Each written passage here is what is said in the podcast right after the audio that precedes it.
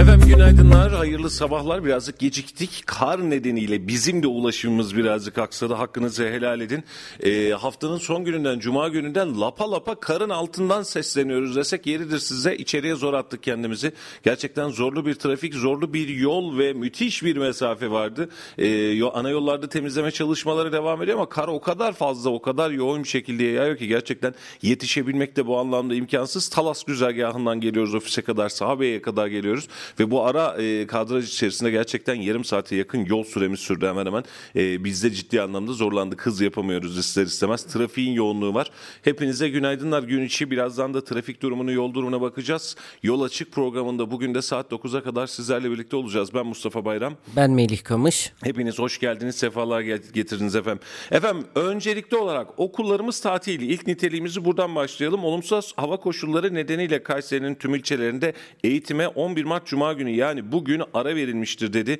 Vali Bey bu eğitime ara verme hadisesini çok e, erken saatlerde yapmadı. Ne yazık ki öyle bir sıkıntımız var. E, gecikmeli olarak gelen bir e, tatil haberimiz vardı. Bu birazcık şehri de Kayseri'yi de e, yola çıkmaya çalışanları da yormuş oldu. İşin açıkçası biz de e, sabah uyandığımız saatlerde ancak bunu görebilmiştik. Ne yazık ki üzgünüz. E, yaklaşık 2 saat öncesinde tweet'e atılmış Vali Bey tarafından e, ve şu an itibariyle saat 7.34 6 5.34 civarında evet zaten tam olarak 5.30 civarında e, Vali Bey tweetini gerçekleştirmiş ama hepimiz uykudaydık ister istemez. E, uyandığımız saat itibariyle sayfamızdan da bunu paylaştık. Şu an itibariyle de paylaşıyoruz. İl merkezi ve bütün ilçelerde kar yağışı nedeniyle bugün eğitim öğretimin her kademesinde rehabilitasyon merkezleri dahil olmak üzere ara verilmiştir. Hamile, engelli ve gazi personelimizde idari sayılacaktır. Tekrar ediyorum.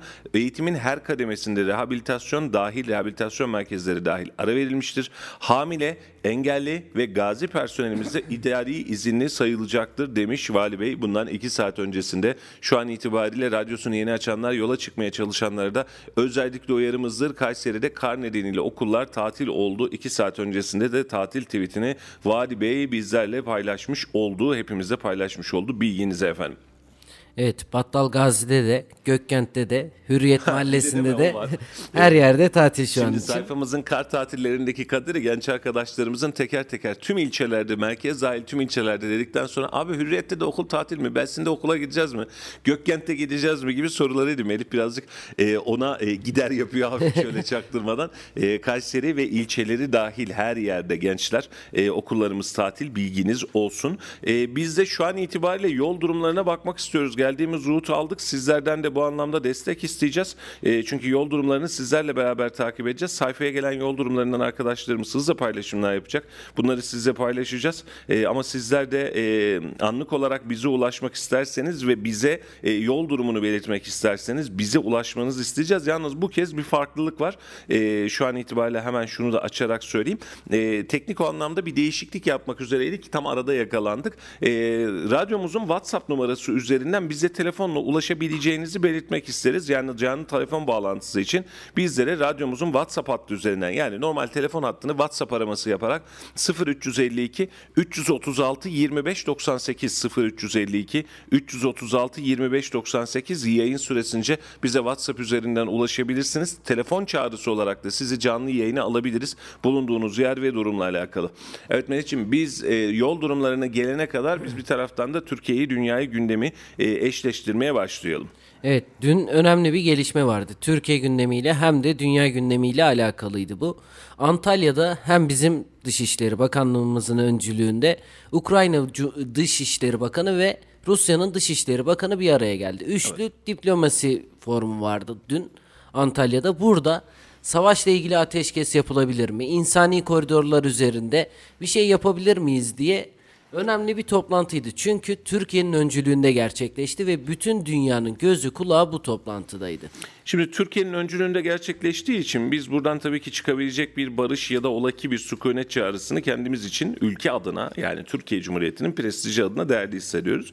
Ama dünyanın gözünde bu kadar önemli bir toplantı değildi. Çünkü barış görüşmeleri de masada devam ediyordu. Dışişleri Dışişleri olarak da ilk kez böyle bir görüşmeyi e, karşılıklı olarak sağlamış oldular savaş başladığından bu tarafa. Evet bizim için çok önemliydi. Emeği geçenlerin ellerine kollarına sağlık ama dünya e, bu tür görüşmelerin sonucunda neler çıkabileceğini öncesinden tahmin ediyor ve satın alıyor. Çok büyük bir beklentimiz yoktu e, bu görüşmenin sonrasında ama ilk görüşme olması sebebiyle durum buydu. İlerleyen görüşmelerde birazcık daha farklı, birazcık daha nitelikli görüşmeler yapılabileceğiyle alakalı en azından bir kapı aralık bırakıldı. Çünkü görüşmenin etkili olabilmesi için, detaylı olabilmesi için karşımıza çıkan tabloda sonuçların o bak ne kadar güzel savaş bitti, şu dozajda azaldı, bu konuda en azından uzlaştılar dememiz lazım.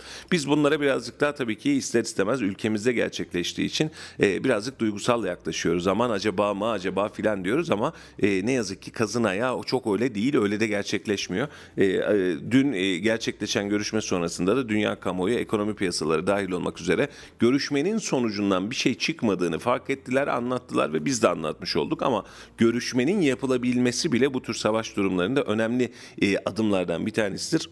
Türkiye'nin öncülük etmesi ve Antalya'da olması da bu anlamda bizim için bir pozitif etki yarattı ama yine söylüyorum biz birazcık ülkemizde olduğu için duygusal bakıyoruz. Birazcık sahiplenmeye çalışıyoruz. Bu tür dönemlerde lider ülke olma, barışçıl ülke olma, çözümcü ülke olma prensipleri önemlidir. E, bunu çok iyi anlayabiliyoruz ama Dediğim gibi hani böyle çok medyamızın kendi içerisinde bunu çok büyük ve devasa hale getirmesi çok nitelikli durmuyor. Evet bir görüşme ve başlangıç ülkemizde olması önemli ama sonuçlanırsa sonuç anlaşması burada imzalanırsa, sonuç görüşmesi ya da e, detay görüşmeleri burada çıkarsa o zaman gerçekten diplomatik anlamda da başarı elde ettiğimizi iddia edebileceğiz. Evet. Yani bizi de ilgilendiriyor, dünyayı da ilgilendiriyor diyorduk ama şimdi bizim dünya ile ilgili konuştuğumuzda Amerika Birleşik Devletleri'nde de enflasyon rakamları arttı. Bakın orada da enflasyon yüksek diye konuştuğumuz rakamlar vardı. Dün itibarıyla Amerika Birleşik Devletleri'nde enflasyon %7.9'a yükselerek son 40 yılın en yüksek seviyesini görmüş. Evet.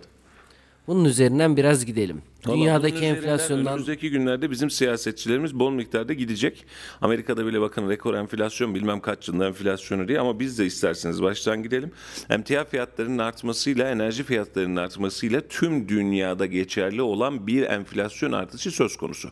Ee, ve bu malzemeye ulaşmamızı, erişmemizi, bizim malzeme üzerindeki fiyat hegemonyamızı değiştiriyor ve tüm dünya ekonomik olarak aslında başka bir kabuğa geçiyor. Ee, ortalama olarak 7 ila 10 yıl içerisinde yaşanabilecek bu tür süreçleri ya da para değişimleri zamanında yaşayabileceğimiz bu süreçleri dünya genelinde yaşıyoruz. Hani hiç kimse artık daha rahat değil. Yani Almanya daha rahat, e, Amerika daha huzurlu filan diyemiyoruz. E, Burada %7, %8 enflasyonlardan bahsediyorsunuz ki gerçekten hani tespitler doğru. Biz de bunun tespitini daha öncesinde yapmıştık. %1, %1,5 maksimum %2 civarında gerçekleşen enflasyonu %8'e çıkartıyoruz. Hani hal böyle olunca insanların alışkın olmadığı bir tutar E, ve bugüne kadar da hiç çalışmamışlar. E, tutuyoruz. Şimdi e, düşünsene 100 dolara aldığı ürünü adam ertesi gün yani ertesi yıl bu zamanlara geldiğinde 108 dolara 109 dolara almaya başlayacak. Bu onlar için e, çok kırılgan yani baş edilemez nasıl işin içinden çıkacağız diyebilecekleri bir yöntem. Ha, bizim için önemli mi? Biz 100 liralık malı ertesi sene 110 liraya alıyorsak hiç fiyatı artmamış diye mutlu oluyoruz. Biz böyle alıştık. E, bunun için biz 100 liralık malı 200 liraya almazsak özellikle son e, bir yıl içerisindeki yaşadığımız enflasyondan bahsedersek biz bu anlamda rahat edemiyoruz. E, tüm dünya genelindeki enflasyon artışı baştan beri yaklaşık 2 aydır 3 aydır aynı hadiseyi konuşuyoruz. E, bizim yaptığımız kendi iç dinamiklerimizi değiştirmek, kendi stratejimizi değiştirmek sayesinde başka bir hale aldı.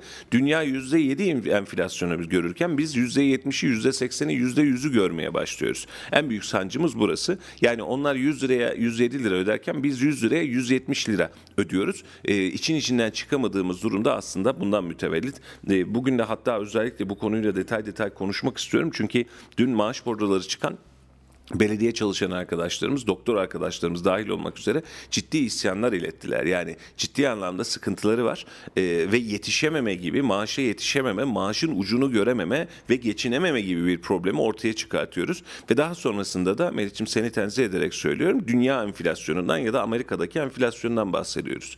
Yani e, dışarıdakine bakarken içerideki görmemezlikten gelmek de bir ayrı bir muamma olur bizim için. İçerideki enflasyon rakamımız bizim için tam bir efsane e, ve bu efsanenin içerisinden bizim bir çıkabilmemiz lazım. Önce nitelikli olarak biz buradayız diyebilmek adına Melih.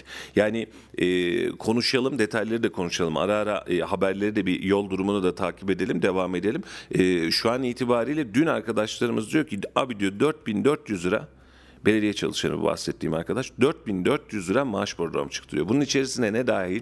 Yol ve yemek dahil. 4400 lira. Net maaşları şu an itibariyle asgari ücretin altında asgari ücretin altında maaş veriyor belediye şu an itibariyle. Geçiyoruz doktorlara şu kadar maaş alıyorlar en az böyle diyoruz ya doktor bordrosunu paylaşmış 7300 lira.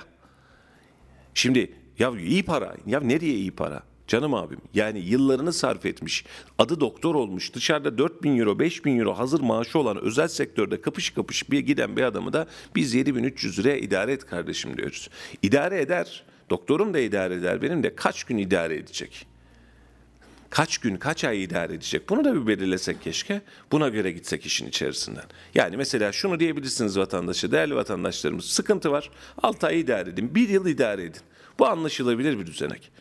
Ama adı belli olmayan, süreci belli olmayan, sürekli küçülmeye doğru giden bir mantıktan bahsediyoruz. Belediye çalışanı kardeşimin şu an asgari ücretten az aldığı günden bahsediyoruz. Şimdi organizedeki çalışan kardeşlerimiz biliyorum bizleri serviste dinliyorlar. Hepsine de selam olsun. Onlar diyor ki ya abi biz 4250 alıyoruz. Vallahi doğrusu. Ama bak biraz önce söyledim sen servisle gidiyorsun. Bu bir, senin ulaşım maliyetin yok. İki, dönüyoruz, senin yemek maliyetin yok. Fabrika diyor ki öğle yemeğinde diyor bak karavana bu var. Tabildot yemek çıkıyor sen de bunu yiyeceksin diyor. Doğru mu? Doğru. Senin yemeğini ve yolunu veriyor mu? Veriyor. Doğru. 4,5'tan 9 lira bir günlük ulaşım maliyetiniz var. Tam bilet 9, 4,5 lira. 9 lira. Çarpı 24 gün bu adam işe gitmiş olsa 216 lira sadece ulaşım maliyeti var bu adamın. Hem fikir miyiz? Hem fikiriz. Günlük 20 lira ortalamayla yemek yese. Sadece dürüm 24 yese. de bu. 480 lira. Daha şöyle hitap edelim. 20 lira yemek maliyeti artı 9 lira ulaşım maliyeti çarpı 24 gün. 696 lira yani 700 lira bu adam zaten bir maliyet ödeyecek. 4400 lira maaş almış. Eksi 700 lira diyoruz. 3700 liraya geliyor bu adamın maaşı. Çünkü yol ve yemek dahil olarak veriyorlar maaşı. E peki nereye götüreceğiz? Biz nereye kadar e, sündüreceğiz bunu? Şimdi hakeza aynı mantıkta şimdi 4250 asgari ücretle çalışan kardeşim bazen kızıyor ya ben sana diyorum ki o asgari ücretli abime diyorum ki kardeşime 4250 üzerine 700 daha koy 5000. Senin maaşın aslında 5000 liralık devlet memuru maaşına denk. Devlet memuru ben maaşı 5500 lira alıyorsa devlet memuru senden 500 lira fazla alıyor. Asgari ücretli kardeşim. Özel sektörde sen ustabaşı olduğunda işini iyi yaptığında ustana gidip şefine gidip ya abi ben yıllardır burada çalışıyorum diyebiliyorsun. Senin emeğin ve kıdeminin hakkında 4250 ile 4750 lira veriyor. 4800 lira veriyor sana doğru mu? Devlette böyle bir hengame de yok. Ben çok iyi çalışıyorum diye de bakmıyor devlet sana. Ki bahsettiğimiz maaşlar, belediyedeki maaşlardan bahsediyoruz. Bu adamların şu an itibariyle yol yemek çıkınca maaşı 3700-3800 liraya geliyor. Asgari ücretin altın altında bu tabanın altında insan çalıştırıyoruz. Ama bordroya geçince o tamam yol yemek diye buradan çıkıyoruz işin içerisinden. Abi çıkılmaz bu yol. Gerçekten çıkılmaz. Ve şu an biz biraz önceki söylediğin rakamları Melih'ciğim önümüzdeki günlerde o kadar fazla konuşacağız ki bakın Amerika'daki enflasyon, bakın dünya enflasyon altında, bakın bu- bunlar bunlar oluyor diye bunları çok fazlasıyla konuşacağız. Nasıl olacak bu iş peki? Amerika'daki adam 100 liralık yani enflasyonun anlamı bu. Bilmeyen vatandaşlarımız anlasın diye anlatıyorum. Amerika'daki vatandaş 100 dolara almış olduğu ürünü bir sene sonra 107 dolara aldığında %7 enflasyon olmuş oluyor. Biz 100 liraya aldığımız bir ürünü bir sene sonrasında 155 liraya alırsak %55 enflasyon oluyor. Bizim %55 enflasyonumuzda haza yok. Aldığımız hiçbir üründe yok. Bizim şu an piyasada hissetmiş olduğumuz enflasyon tutarı %100'ün üzerinde. Hadi %55 deyin. En son açıkladığınız rakam itibariyle %55 deyin. Yine kurtarır tarafı yok. Bir de %50 şöyle bir nere, şey oluyor. %55 nere? Biz bunu konuşacağız değil, konuşuyoruz hatta siyasilerimiz nezdinde.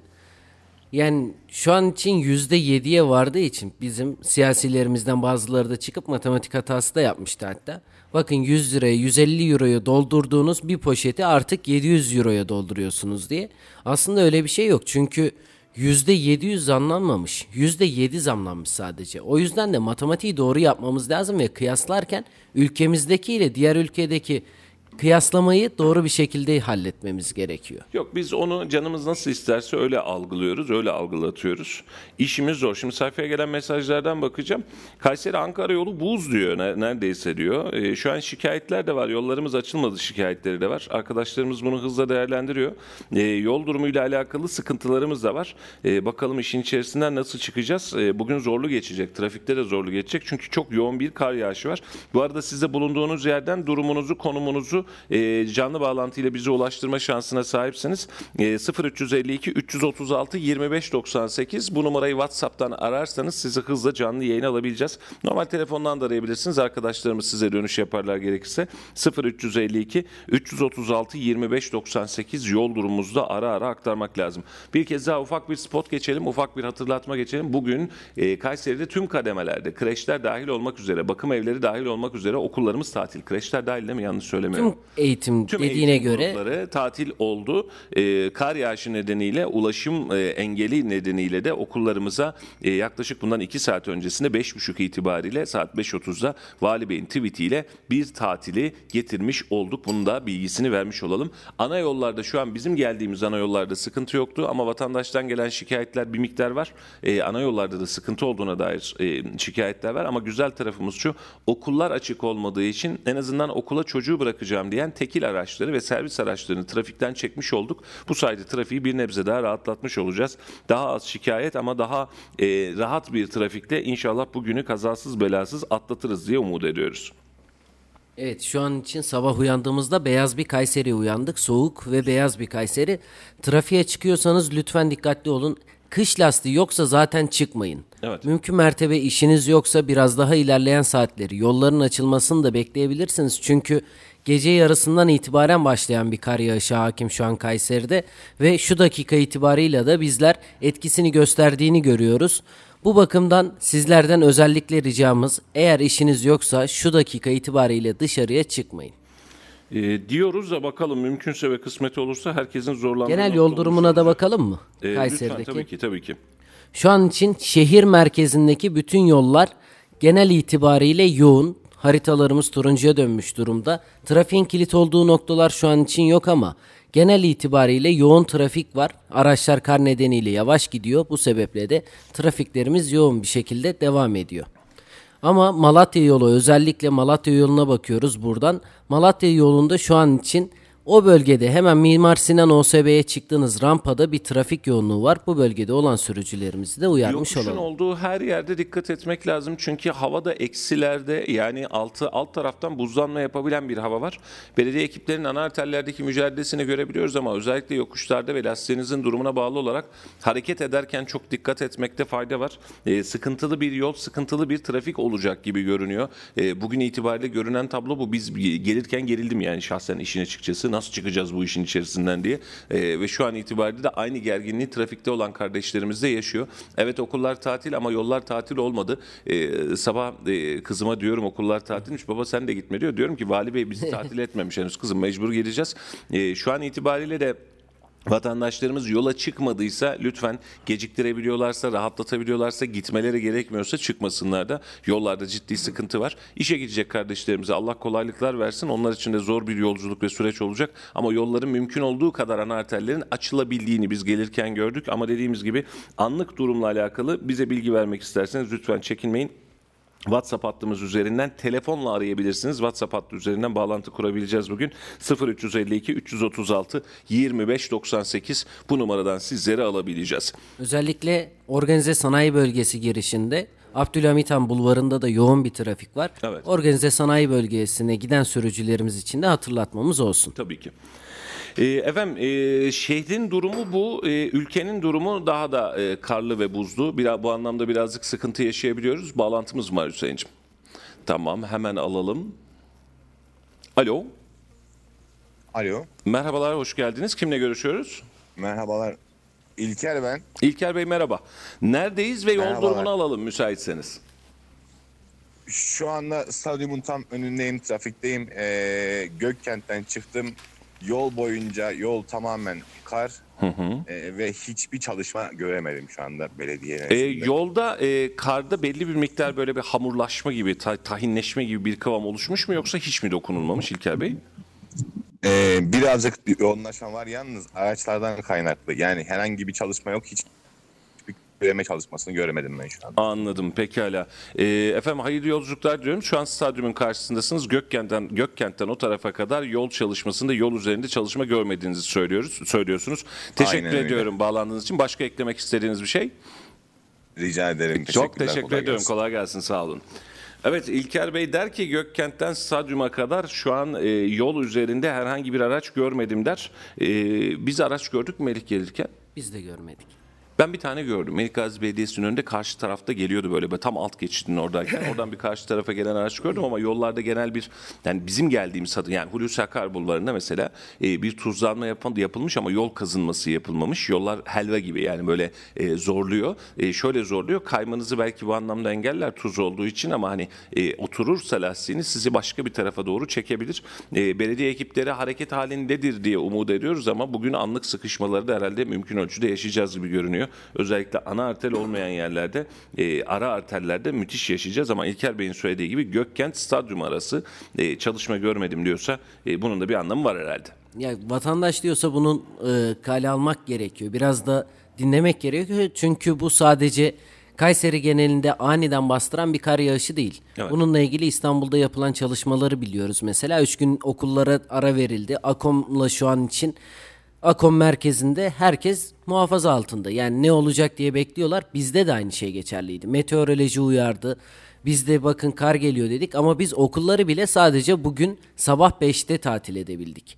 Yani bu biraz da öngörülebilirlik olarak biraz ileriye gitmemiz gerekiyor. Öngörülebilirlikte kötüyüz. Dün hatırlıyorsun tatil var mı diye bize gelen sonuçlarda ve cevaplarda aynısını söylemiştik. Bugün tatil olmaz ama yarın olma ihtimali yüksek diye konuşmuştuk. Ve şu an itibariyle baktığımızda Vali Bey'in e, saat 4.30'da ve 5.30'da çok özür diliyorum 5.30'a denk geliyor değil mi? Evet evet. Beş buçukta. Beş Sabah buçukta beş okullar tatil tweetini atması da ayrı e, kendi içinde başlı başına bir handikaptı. E, severiz Vali Bey ama eleştireceksek de eleştiririz. Şimdi beş buçuğa kadar bekleyip insanlar bir önceki günden hesabını ve planını yapamadığı için e, sabah saati itibariyle insanlar kalkıyor. Ben bile saat altı buçukta e, ya aa, okullar tatil olmuş diye ben kendim ancak görebildim.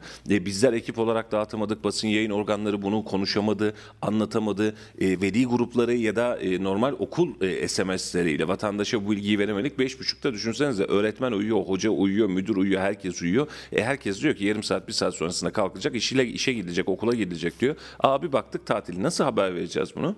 E, Birçok insan şu dakika itibariyle dahi çok net biliyorum ki acaba tatil yoksa gidelim mi, çıkalım mı diye hani aklına gelmeden yola çıkmak için hummalı bir çalışmaya girmiştir. Beş buçuk bahsettiğimiz saat.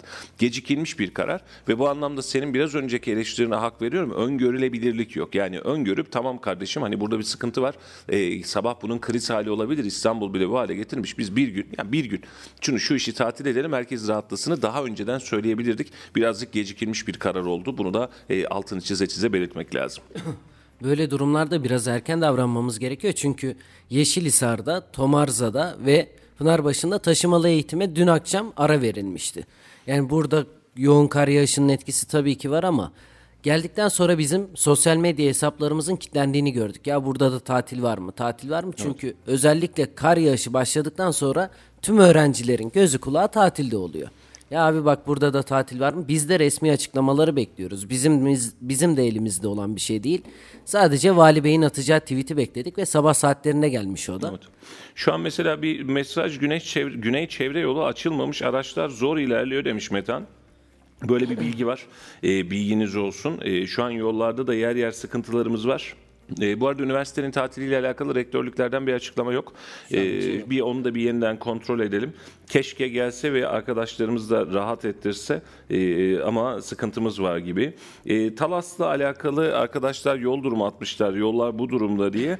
Ee, şu an bahsetmiş olduğunuz, göndermiş olduğunuz görseldeki yollar bir miktar normal. Şöyle tuzlanma yapılmış. Ee, o e, tahin kıvamı dediğimiz kıvama doğru gelmiş ama yağış sürekli devam ediyor. Henüz kazıma işlemi yapılmamış. Hani böyle e, böyle e, e, cilet gibi yol olsun kıvamında diyebileceğimiz bir hava değil. E, ama çalışma yapılmış atmış olduğunuz fotoğraflardan bunu görebiliyoruz. Bu arada siz de bulunduğunuz bölgeden bizi arayabilirsiniz, ulaşabilirsiniz. E, 0352 336 25 98 mümkünse WhatsApp çağrısı olarak sizleri istiyoruz. Yoksa arayın biz sizi yeniden arayalım. E, 336 25 98 yol durumunu da gün içerisinde sizden gelen telefonlarla size ulaştırmaya çalışacağız. E, bu konuda da bilgi vermiş olalım en azından. Evet Mehmetciğim maaşlar ve öğretmen maaşları ve memur maaşları ve çalışan maaşları bugün gerçekten gündeme özellikle almak isterim. Dünkü isyan çünkü bana çok haklı geldi. Şimdi e, dünyadaki enflasyonu, dünyadaki krizi, dünyadaki enerji krizini bahsettiğimiz zaman anlam verebildiğimiz yerler var. Mesela Brent petroldeki artış sebebiyle mazotun 23 liraya çıkmasını e, bu anlamda dışarıdan alıyoruz zaten malzemeyi. Elimizden gelen bir şey yok diyerek bunu anlamlandırabiliyoruz. Ama burada da aynı noktada altını çizerek söylüyoruz. Yani e, insanlar maaşlarıyla Avrupa'daki almış olduğu litreyle bizim aldığımız litre arasında da farklılıklar var. Yani bu anlamda çok fazla rahat değiliz. E, bu kısmı geçelim ama maaşlar konusunda şu an e, çok olgun ve çok yetenekli, çok nitelikli maaşlar veriyoruz havasından devletçe çıkmamız lazım. Yani şu an vermiş olduğumuz Aralık ayında anlatmış olduğumuz maaşların satın alma gücüyle şu an Mart'a geldiğimizdeki satın alma gücü birbirinden çok farklı. Yani bunu yakıtta, ulaşımda, tarımda, gıdada nereden bakarsın? Nereden bakarsanız bakın aynı durumdayız.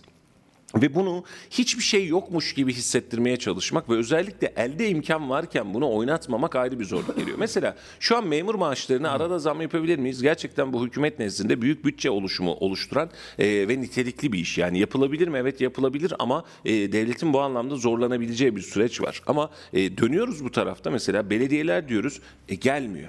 Yani adam 4400 lira maaş bordrosu aldım diyor. E, yolu yemeye çıkıyorsun adamın eline bir şey kalmıyor. Bu adam ev geçindirecek kardeşim. Çoluğu var çocuğu var. Hani geçtik artık özel okulda çocuğu var filan kıvamına geçtik. Normal bir aç olmadan bir hayatı yaşamaya çalışırken kirada otururken nasıl baş etmesini bekliyorsunuz bu paraya? Ve daha önce de söyledik hala aynısını söylüyoruz. Bu işin hiç mi sendikası yok? Hiç mi bir sendika kafasını çıkartıp da ya ne yapıyoruz biz abi demez ya? 4400 liraya bu insanlar nasıl geçinecek kardeşim ayıp değil mi demez mi? Bunun içinde yol yemek dahilken yani 3700-3800 liraya gelirken maaş, asgari ücretin altına gelirken maaş nasıl çıkacaksınız bu işin içerisinden? Ve biz bunu anlatmakta gerçekten zorluk çekiyoruz. Çalışanlarımız bu anlamda çok ciddi sıkıntıdalar. Ve dönüyoruz biraz önce de söyledim bir işte doktor arkadaşım paylaştığı 7300 liralık bir bordrodan bahsediyoruz. 7300 lira ve bir, bu bir doktor. Dengemiz alt üst oldu. 7300 lira kötü paramı 2 sene sonra öncesine bakacak olursanız müthiş bir rakam. Ama bugüne gelmiş olduğunuz zaman 7300 liranın alım gücü yok. E Melih'ciğim sen söylüyorsun iki tane bekar ortalama aylık 9-10 bin lira civarında evinize para girerken siz bu anlamda rahat hareket edem iki bekar ay sonunu ucu ucuna zor getiriyoruz diyorsunuz. Daha ne söyleyebiliriz ki bununla alakalı? Ya aile yani aile dediğimiz kavram ne? Bir anne bir baba iki tane de çocuk olsa ve asgari ücreti alsa eşimiz çalışmasa Hadi çalışsın ya. hadi o da çalışsın. Yani Tabii çocuklar sadece çocukların masrafına gerçekten yetmiyor. Aynen öyle. Biraz yetkiliysek bu konuda markete gidip gerçekten market alışverişi yapmamız lazım. Aile ne yer ne içer. Bir süt olmuş yak 10 lirayı geçmiş. E, ekmek alıyorsunuz zaten günlük sadece iki tane ekmek alsanız kaç para para yapıyor. Yani buradan bizim temel gıda olarak bildiğimiz ürünleri markete gidip gerçekten görmeleri lazım yetkililerin. Bak şimdi standart Ramazan geliyor. İHŞ paketleri vardır biliyorsun Mehmetciğim. Hani içinde yağ, şeker, tuz, un, çay, bulgur, pirinç vesaire birer ikişer kilo konulur. Bu İHŞ paketidir. Ramazan'da bir tür hediyedir. Hani bir ailenin işte ya işte kaba ihtiyacını halletsin. Bunun içinde abur cubur meyvesi, sebzesi vesairesi yoktur ama kaba ihtiyacını yani yağ, un, şeker, makarna vesaire. Bir hesaplayın bakalım. Ortalama gönderebileceğiniz bir İHŞ paketi neye mal olacak? Bir hesaplayın ya. Yani şu an hani 5 litrelik yağıyla işte 4, 4 kilo, 3 kilo, 5 kilo her neyse pirinciyle, bulguruyla, unuyla, şekeriyle bir tane EYH paketini hesap edin. Nasıl çıkacaksınız bu işin içinden? Biraz önceki dediğine çok net katılıyorum. Belediye başkanlarına da özellikle sesleniyorum. Bize ara ara dönemlerde bu saat onların uyanma saati midir bilmem dinlediklerini de biliyorum. Özellikle rica ediyorum. Ya lütfen cebinize 4250 lirayı ya da 4300 lirayı alın. Bir ay boyunca, geçin bir ay boyunca ya 3 gün boyunca evinizi geçindirmeye çalışın. Bu 4250 liranın ya da 4400 liranın 1000 lirasını 1250 lirasını bir, bir başta kiraya ayırın. Kalan 3000 lirayla hadi buyurun yaşayın. Hani çocuğunuza harçlık verin, eve yiyecek malzeme alın, işe gidin gelin, bir hayat yaşayın, bir nefes alın bakalım nasıl oluyormuş. Doğalgaz faturası ödeyin, aidat ödeyin. Bir yapın ya, bir deneyin ne olursunuz. Çünkü bunun muhalefetin söylemesi yetmiyor. Şu anki ort- siyasi ortamda muhalefet bir şey dediğinde sanki kötü bir şey söylemiş gibi algılanıyor ve eleştiriler bu bakımda uzak kalıyor.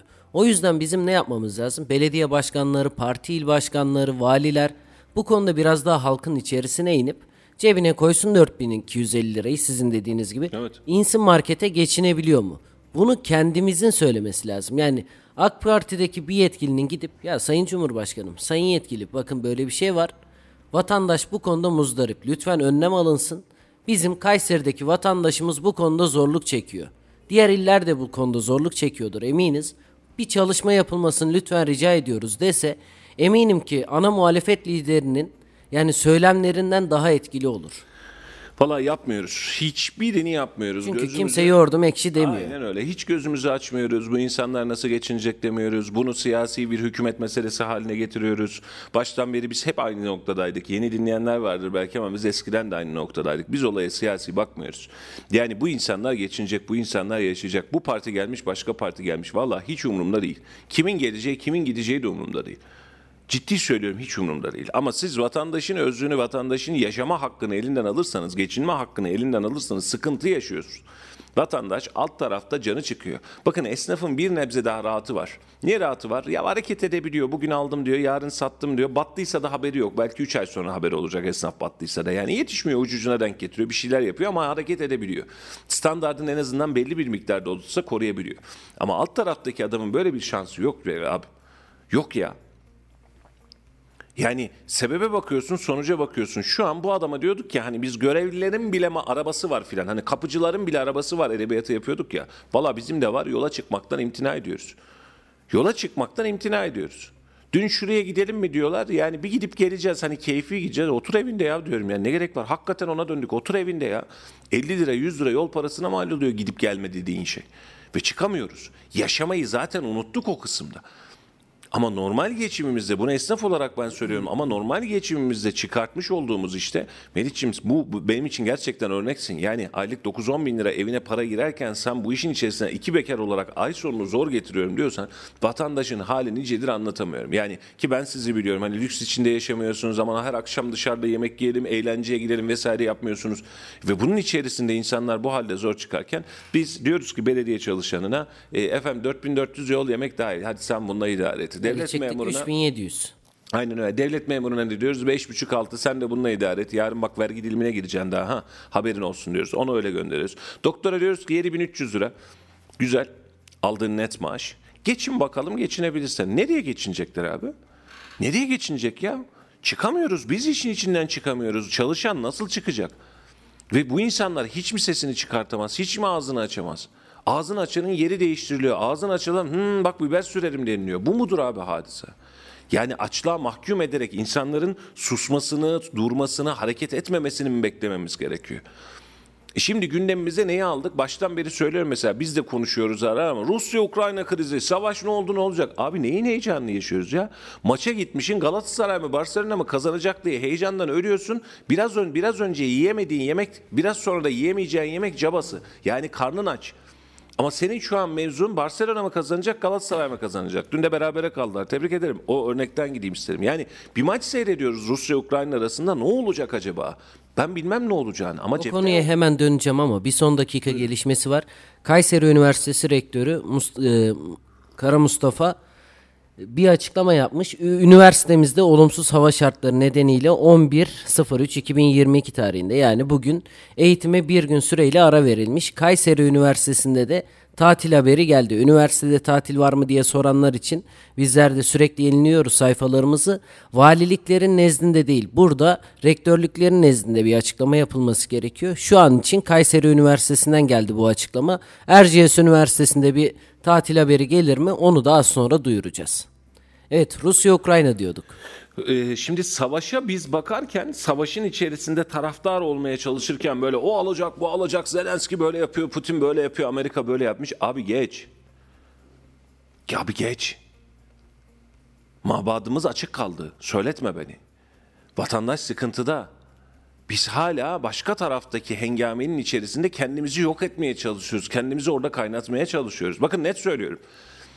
Zam olmuş, o gelmiş, bu gitmiş bundan bahsetmiyorum. Asgari ücret açıklandığı günde aynı şeyi konuştuk. Onun öncesinde de hatırlıyorsun. Biz Kasım ayında da aynısını konuştuk. Asgari ücret turu başladığı günden beri aynısını konuşuyoruz. Rakamın kaç lira olduğu değil. Rakamın ne alabileceği önemli. Daha sonra Özgür Demirtaş vesaire yani herkes aynı fikirde. Hani bizden sonra söyledi biz ondan önce söyledi kıvamına girmeyeceğim. Yani herkesin söylediği nokta oyna. Ben sana diyorum ki Melihciğim sana 20 bin lira maaş veriyorum. Peki kabul abi ama burada konaklama ücreti olarak 18 bin lirasını alıyorum. Abi ne anladım ben bu işten? Anladın mı? Yani sen sonuçta vatandaşa bir şey veriyorsun, bir maaş veriyorsun, bir süreçten bahsediyorsun. Ama şu an itibariyle vatandaşın senin vermiş olduğun maaşla yaşama şansı yok. Geçiyoruz 4250 ile de yaşama şansı yok. Yani asgari ücret dediğimiz rakamla da şu dakika itibariyle yaşama şansı yok. Ama baktığımızda asgari ücretlinin maaş zammı yüzde elli, belediye çalışanının maaş zammı yüzde yirmi, dönüyoruz devlet memurunun maaş zammı yüzde otuz. Ya asgari ücretli madem bu kadar geçecekti, madem bu kadar rahattı yüzde elli ile ki onu o bile geçinemiyor ayrı hadise, e sen elindeki imkanla niye yapmadın? Sen bana yaptırdın işletmeci olarak doğru mu? Esnafa dedin ki sen yapacaksın kardeşim dedim. Peki amenna hay hay. E peki sen? Yok ben yapmayacağım. Ben de bu kadar. Bu mudur hadisemiz? Bir de bizim asgari ücreti aldığımız %50'lik bir zam var. Yani tek kalem. Ama onun haricinde faturalara zam geldi. Temel gıda ihtiyaçlara zam geldi. Ulaşıma zam geldi. Akaryakıta zam geldi. Diğer ürünlere zam geldi. E sadece bizlik olmayabilir. Tüm emtia fiyatlarına zam geliyor belki ama yani buraya gelen diğer ürünlere de gelen zammı biraz da düşünmek zorundayız. Valla e, iş zor, e, sıkıntı da zor. Rahatsızlığımız da fazla. Şimdi mesela e, yola dönelim. Sümer üst geçit çevre yol çok kötü temizleme yok diye bir mesaj gelmiş. Evet fotoğrafı da görüyorum. Birazdan arkadaşlarımız da bağlayacak. Bir e, tuzlama çalışması yapılmış ama yolda temizleme çalışması olmadığı için helvanın içerisinden giden yollar var. Emre kardeşim göndermiş sağ olsun. Şimdi bir başka arkadaşımız diyor ki valla abi diyor ben de 3600 lira maaş aldım Ocak'ta diyor. Bu kardeşim de belediye çalışanı. 3600 lira maaş aldım diyor Ocak'ta. Asgari ücret 4250 lira. Bu kardeşim de işe yeni falan girmedi. 3600 lira maaş aldım Ocak'ta diyor. Hesabınızı siz yapın. Yani bazen kelimeler yetmiyor. Yol durumundan gittik. Tekrar hatırlatalım. Eğer şu an trafikteyseniz ve bizi dinliyorsanız anlık yol durumunu bize telefon bağlantısıyla aktarabilirseniz WhatsApp'tan arayabilirsiniz. Numaramızı hatırlatalım. 0352 336 25 98. 0352 336 25 98. Şimdi Sedat Bey'e e, bir mesaj göndermiş. En düşük memur maaşıyla asgari ücret aynı seviyeye gelmediği sürece refah beklenemez. Sedat Bey haklısınız. Ama en düşük memur maaşı da inanın bana e, kurtarır mı asgari ücrette? Evet kurtarır. Ama e, bu seviyeleri satın alma gücü seviyesini bir aşmamız lazım. İki bu maaşın hiçbirisi yetmiyor vatandaşa. Şu an 10 bin lira maaş alan da yetmiyor. 7 bin lira maaş alan da yetmiyor. Çünkü kendinin herkesin bugüne kadar kendine kurduğu bir hayat standardı var. Yani doktor 7300 lira maaş alıyorum diye mutlu olamıyor. Ben diyor bu kadar zaman okumuşum diyor. Ben özel sektörde dursam bundan daha fazlasını alırdım diyor. Haklı. Geçtik bu maaşla zaten zor geçiniyoruz. Bir de hem doktoruz hem açlık mı çekeceğiz? Güya işin prestiji var diyorsun. ha, Doktor diyorsun. Yani doktor mu Elif Kamış diyorsun. Hadi be diyorsun. Cepte para yok abi. Hava var da para yok. E şimdi vatandaş bu anlamda haklı. İki, şu an itibariyle benim en fazla takıldığım noktalardan bir tanesi ciddi anlamda buna çok ciddi takılıyorum. Belediye çalışan arkadaşlarımıza yapılmayan zam. Asgari ücretin altında maaş veriyorsunuz insanlara. Asgari ücretin altında. Asgari ücret ne demek? Bir insanın minimum geçinebilme tutarı. Ülkedeki minimum maaş doğru mu? Bak diyor ki devlet sana. İstediğini verebilirsin ama bu rakamın altında veremezsin. Dibin bu. Bak dip maaşın bu. Bu rakamın altında veremezsin. Üstünü vermek sana ait. Hani bunu yarı zamanlı çalıştırırsın, saatli çalıştırırsın, amele çalıştırırsın. Bundan bahsetmiyorum diyor. Bir adamı bir ay boyunca çalıştıracaksan vermen gereken minimum maaş bu. Bu mudur? Tablo bu doğru mu? Devlet sana diyor. Ben mesela özel sektörde şu an 3500 liraya bir adam çalıştıramam. Çalıştıramam. Sigorta göstergesini de yapamam. Ben onu 30 gün boyunca çalıştırdıysam 4250 liradan minimum sigorta göstergesi yaparım. Bana aşağıda bir yaşam alanı vermiyor. Peki belediyede asgari ücretten aşağıya insan çalıştırabiliyorsunuz. Sebep? Biz belediyeyiz. Organize sanayi bölgesinde %60'a varan zam yapıldı. Anadolu Holding'de değil mi? Sonra alkışladık biz tüm belediye başkanları ve siyasetçiler olarak. Çok haklısın. Güzel bir noktaya da değindin. E tabloya bakıyorsun. Tabloya bakıyorsun. Yani yüzde altmış zam yapmışlar. Ellerine sağlık. Bu devletimizin başarısı. Biz işçilerimizin yanındayız. Niye orada 10 bin tane işçi var? E senin de burada 5 bin tane belediye çalışanın var. Ya şöyle söyleyelim. 8 Mart'ı yani kutladık, andık. Öyle diyelim. 8 Mart'ta ne söyledik? Kadın erkek eşitliği. Biz o gün de söyledik. Bugün de aynı şeyi söylüyoruz. Herkes eşit olmalı. Bu sadece kadın erkek eşitliğinden bahsetmeyelim. Bir eşitlik, bir adalet duygusu varsa bu her yerde olmalı. Çünkü adalet bizim en güvendiğimiz şey. Güvendiğimiz dağlara kar yağdı diyor ya. Aynı o şekilde bizim adalet duygusunu biraz daha hakim kılmamız lazım. Erciyes Anadolu Holding'de gidip %60 zam yapıldı ve burada tüm belediye başkanlarımız gitti. %60 zamı duyunca herkes ayakta alkışladı. Hem işçiler hem de belediye başkanları tebrik güzel iş ettiler. yaptınız filan diye. Mi? Elinize sağlık diye. Ama aynı şeyi biz belediyede de bekliyoruz. Orada çalışan da bir insan. Orada çalışan da evine ekmek götürüyor. Burada keyif için çalışmıyor ki. İğneyi kendine çuvaldızı başkasına batır derler. Yani sen şimdi önce kendi gücünden... Ha, şunu anlıyorum ya ben belediyelerde şuna da hak veriyorum abi. Biz e, yani şu an Başkan Bey için bağlansa desek ya Mustafa Bey biz aldık aldıkça aldık.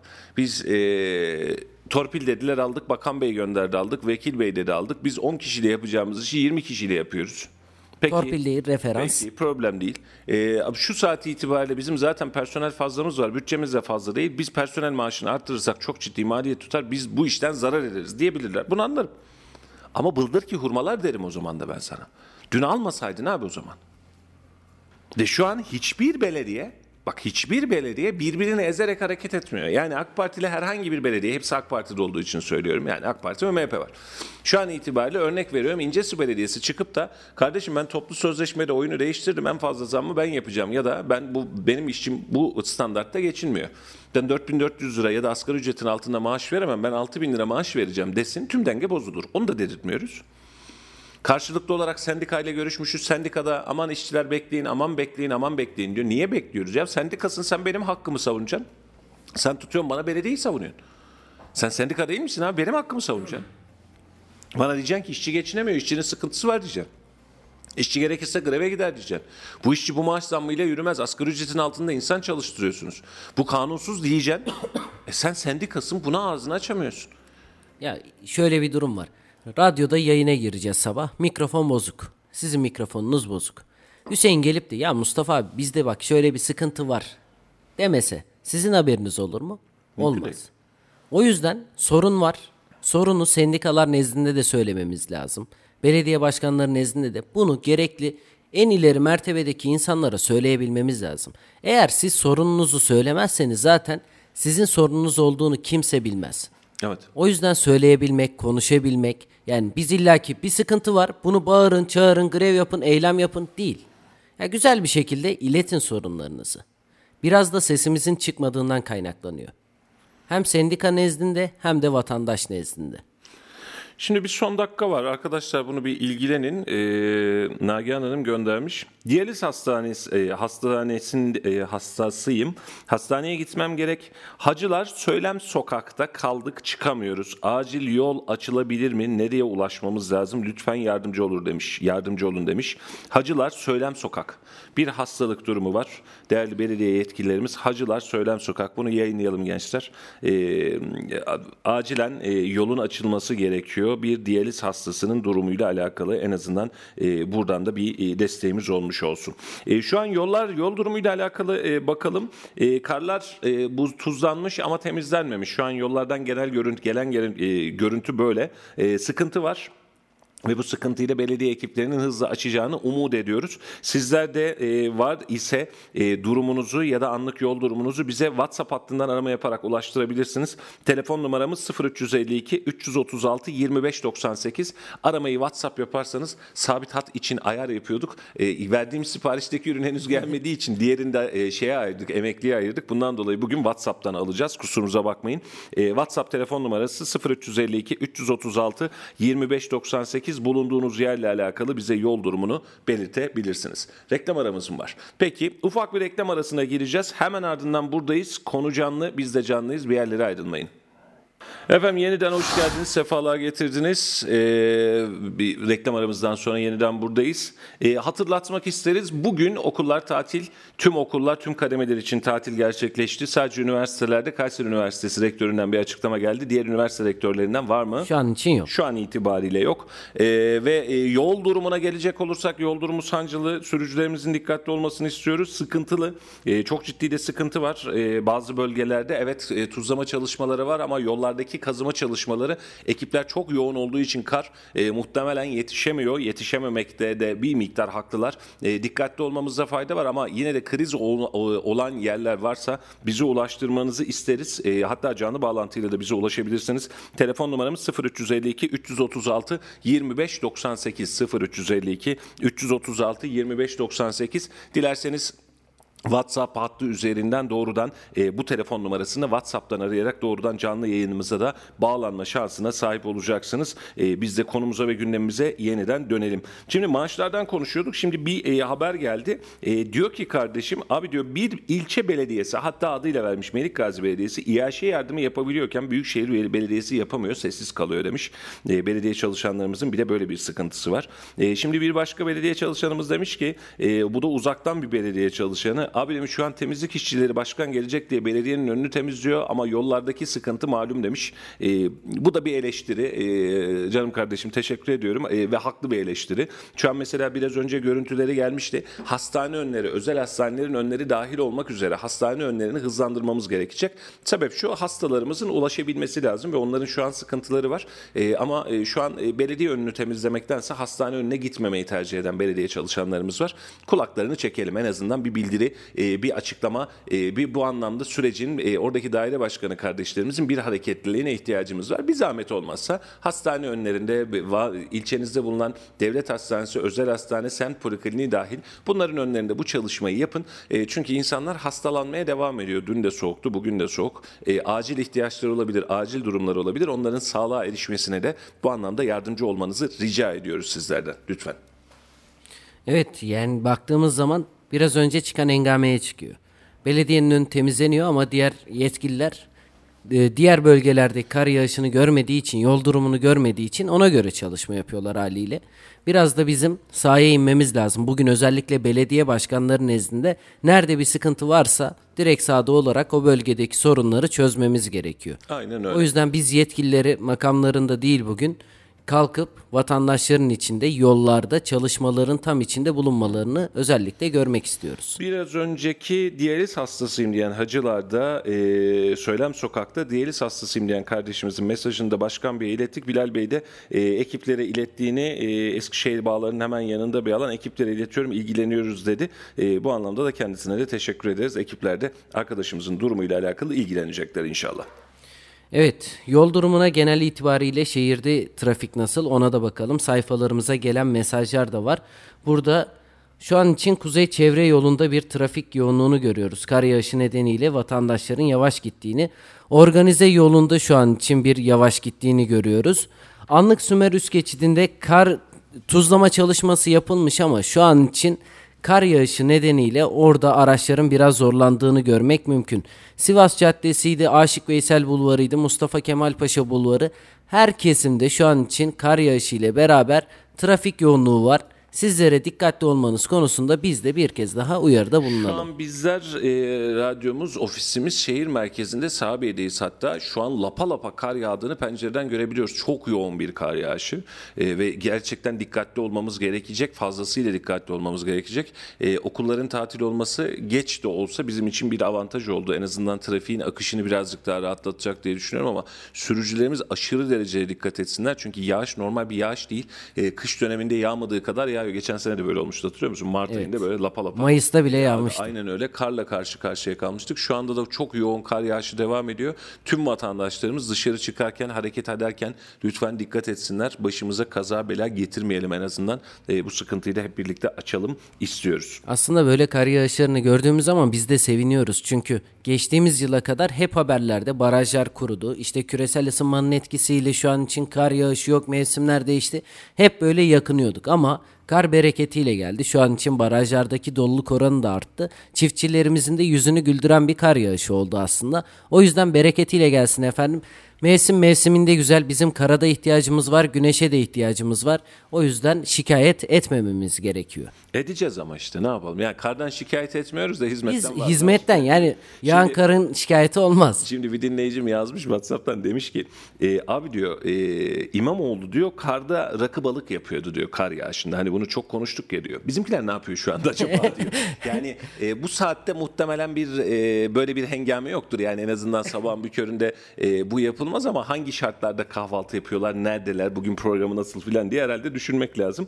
E, rakı balık dilimize pelesenk oldu İmamoğlu sayesinde. Ba- Başka bir kültüre oluştuk. E, adamın yaptığı yapacağı oldu. Şu an fiyatlardan muhtemelen o da yapamıyordur muhtemel itibariyle ama e, kar yağışının altında e, şunu çok net söyleyeyim. Belediyemizin hizmetlerini eleştirmenin çok çok daha ötesinde hızlandırmayı tercih ederiz. E, eleştiriyoruz da bu anlamda da hiçbir çekincemiz yok. Sizlere de bu anlamda mikrofonlarımız, telefonlarımız da açık. E, ama lakin e, şu an itibariyle şu yoğun e, kar yağışından sonra ara arterlerdeki gelebilecek şikayetleri pas geçeriz. Açık söylemek lazım. Çünkü ara artere yetişebilecek bir hengame yok. Şu an ana arterlerin taşıt trafiğinin normal ulaşımın netlemesi ve rahatlaması şehir için birinci öncelik. Ee, daha önce belediye başkanlarına e, defaten denk geldiğimizde söylemiştim. Ee, mesela otobüs duraklarının önü ayrı bir nitelik haline geliyor. Kaldırımları temizliyoruz, yolları temizliyoruz ama otobüs duraklarında bu sıkıntıyı yaşıyoruz. İnsanlar orada en kötü 15-20 dakika bekliyor o karın içerisinde ve oraya yığılıyor kar ve vatandaşlar bundan da şikayetleniyorlar. Bence şikayetlenmekte de haklılar. Buraların özellikle temizliğine dikkat etmek lazım. Hastaneler gibi kamu e, kuruluşları gibi alanların vatandaşın yoğun kullanacağı alanların önünü arkasını ulaşımını temizlemek lazım. E, yapıyordur ekipler mutlaka ki çalışıyordur. E, ama e, sorun şu e, buna yetiş ne kadar yetişebiliyorsak o kadar rahat olacak. Bu kar yağışı da ne yazık ki e, yavaş çalışan ya da nitelikli çalışmayan belediyelerin de sıkıntılarını birazcık daha gün yüzüne çıkartmış olacak. Şimdi bir mesaj daha var. E, Hulusi Akar'da bir de sıkıntı var. Temizlenmemiş sevgili kardeşim demiş. E, temizlenme şimdi yol fotoğrafından görüyorum.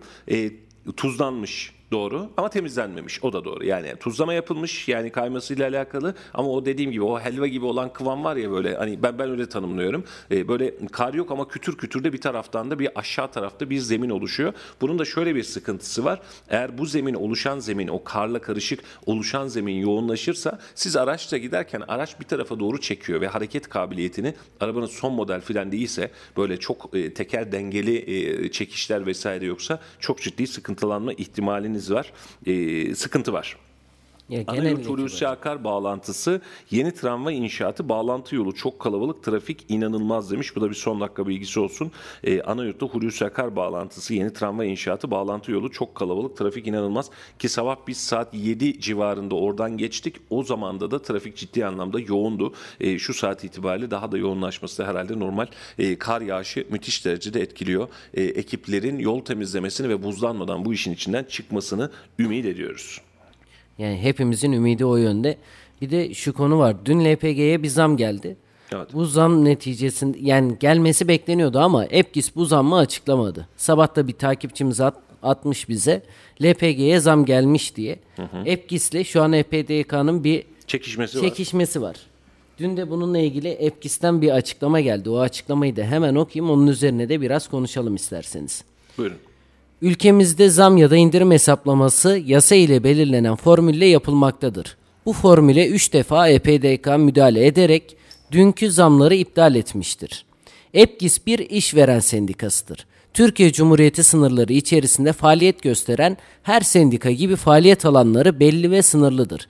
EPGİS zam yapmaz, EPGİS zam iptal etmez. EPGİS formülü diye bir formül söz konusu değildir demiş. Biraz da bu çekişmeyi de dün Epkis'te EPDK'ya karşılık olarak vermiş oldu. E, Valla e, susturunca zam geçmeyecek mi, zam olmayacak mı bilmiyorum. Biz yine muhtemelen yayınlamaya devam edeceğiz. Çünkü bizim EPKİS dışında farklı kaynaklardan da gelebilecek zam oranları ve hesaplamaları çıkartabilen yerler var. Yarın bir gün bize de suç duyurusu yaparlar mı? Bundan da gerçekten bir fikrim yok. E, ama hadise şu, vatandaşı zam gelmeden önce bu akşam itibariyle şu zam gelecek. Ya da şu saat itibariyle şu zam geldi dememiz gerekiyor. Mesela LPG'ye yapılan zam eğer pompaya yansıdıysa, ben sabah onun tereddütündeydim. Pompaya yansıdıysa EPKİS açıklamadı. Başka kimse de açıklamadı. Yani zam yapıldı ama vatandaşın haberi yok. Gittiğinde 10 lira 30 kuruşa alıyorsa örnek olarak veriyorum gazını 10 lira 70 kuruşa alacak şu an itibariyle ama vatandaşın bundan haberi yok. Gidecek alıştık ya artık zaten yine mi zam geldi? Çünkü mesele zammın gelmesi değil mesele sosyal medyada medyada bu işin konuşulması ve tepkilendirilmesi. Ee, EPDK'da bununla alakalı kendince tedbir alıyor. Ama tedbir almış olduğu tedbir fiyatın düşmesi fiyatın artmaması ile alakalı değil. Artan ya da azalan fiyatların konuşulmaması ile alakalı bir tedbir almaya çalışıyor. Yani biz e, kapalı dönem, kapalı yaşayan bir ülke filan değiliz. Demokratik bir ülkeyiz. Haber özgürlüğü var, haber ulaştırma özgürlüğü var. Ve bu öyle kalmalı zaten. Ha biz şunu yapmıyoruz. Yani zam gelecek bu akşam şu kadar. Zam kesinleşti bu akşam geldi. Pompeye yansıdı. Bu kadar. Bu kadar. Yani zam gelecek böyle yapın şöyle yapın değil. Vatandaşın tabii ki bundan haberdar olma hakkı var. Ha birileri buradan sizi garayana getirip de eyleme çağırıyorsa başka bir şey çağırıyorsa o zaman gidin kanuni işleminizi yapın. Ama şu an EFKİS'in yapmış olduğu hadise zam gelecek. Beklenti var. Zam geldi kesinleşti. Bundan ibaret. Zam gelecek de demiyor. Gelecek de demezdi doğru. Ve şu an itibariyle biz onun ağzını kapattık. EFKİS açıklamasın. Zam gelecek açıklama. Şu olacak açıklama ama yarın bir gün indirim geldiğinde EFKİS niye açıklamıyorsun diye üstüne bastıracaksın. Sen çeşitli kanallardan açıkla- açıklayacaksın. Mesela şu an yakıt fiyatlarına bakmış olduğumuz zaman e, mesela Brent petrol fiyatları dün beni yine korkuttu. 103, 100, şey 113, 115 vesaire dolarlar civarında gidiyordu. Şu an itibariyle 109 dolar. E, dolardaki artış nedeniyle arada bir yerde kaldık. E, dolarda çünkü 14.88'i buldu. Belki bugün 15'i bulacak bilmiyoruz. E, orada ciddi bir artış var. Ve bundan kaynaklı olarak bir indirim yok. E peki bu konuşmayalım mı bunları? Yani yakıt bu fiyat oluyor demeyelim mi? Vatandaş bir gün öncesinden zamın geldiğini bilip de gidip e, yakıtını aldığı zaman kötü mü oluyor? Ha, orada sıra var. Peki sıra olmasın ne olsun? Bir sonraki gün herkes istediği fiyattan yeniden alsın. İstediği fiyat derken zamlı fiyattan alsın. Böyle bir kültür yok. EPDK'nın yapmış olduğu şey piyasa denetleme yapmak değil. Spekülasyonu da kimse oluşturmuyor. Yani var olan Brent petrol fiyatları üzerinden hesaplamayı yapıyor. Diyor ki bu akşam olması gereken fiyat bu. Kamuoyunda bunu bilgilendiriyor bir sendik olarak. Dün bunu biz yayınımızda da konuştuk. Söylediğimiz konu şuydu. Yani bu formüllere göre hesaplanıyor. Bunu EPKİS'in vesaire değil. Yasa ile belirlenen formüller var. Evet. Bu formüller neticesinde Brent petrolün fiyatına bakılıyor, doların fiyatına bakılıyor. Ya bak şu kadarlık bir artış olacak diye. Bize de aynı şekilde artışı da haber veriyoruz, indirimi de haber veriyoruz. EPKİS de aynısını, aynısını yapıyordu. Sadece zamları veriyorsa ya dersin ki bu kaynak belli. Sadece artışı veriyor, indirimi vermiyor. Ama artışı da veriyorsa, indirimi de veriyorsa bu vatandaşı bilgilendirmedir. Evet. Vatandaşı dün LPG zammı ile ilgili arkadaşlarımız gün içinde bakacaktır. Artış gerçekleşti mi gerçekleşmedi mi? Gerçekleştiyse şu an vatandaşın haberi yok. İstemeden yani sessiz sedasız bir zam yapılmış ve bu zammı da vatandaşlar bugün gittiğinde LPG'yi zamla alacak. İşte haberimiz olmayınca daha az acıtıyor gibi düşünüyorlar herhalde zannedersem. Şimdi Melih dün e, bir konu vardı gündemde. Dün de netliğe kavuştu. Ben birazcık detay araştırması yapmıştım ama şimdi Serbülent e, Ümit Özdağ'ın tweetleriyle beraber göndermiş. Bunun üzerinde kesinlikle durmamız gerekiyor. Durum nedir? Türk Telekom. Şimdi Türk Telekom'un geçmiş hikayesini vatandaşlarımız hatırlar mı bilmiyorum ama Türkiye tarihinin en büyük özelleştirme başarısıydı Kemal Unakıtan zamanında. Yani e, müthiş rakamlara satıldı. Türk Telekom satıldı. Onlar aldı, bunlar aldı. Müthiş devlet gelir elde etti diye. Ve şu an itibariyle varlık fonu Varlık fonu. Türk Telekom'un geri kalan o %55'lik hissesini bankalardan almak için masaya oturdu ve dün itibariyle anlaştı. Şimdi hikayeyi bir anlatmak istiyorum. Üzerinde de birazcık konuşmak istiyorum oluruz. mümkünse. Türk Telekom'un %55'lik hissesi 4.75 milyar dolar kredi borcuna karşılık 1.65 milyar milyar dolara 3 bankadan Türkiye Varlık Fonu'na geçti. Yani e, Türk Telekom'un %55 hissesinin toplam bankalara borcu 4.75 milyar dolar ve bunu 1.65 milyar dolara, aldık.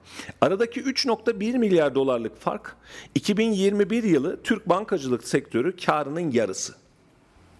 Kurumlar vergisi zararı ise 9 milyar liradan fazla.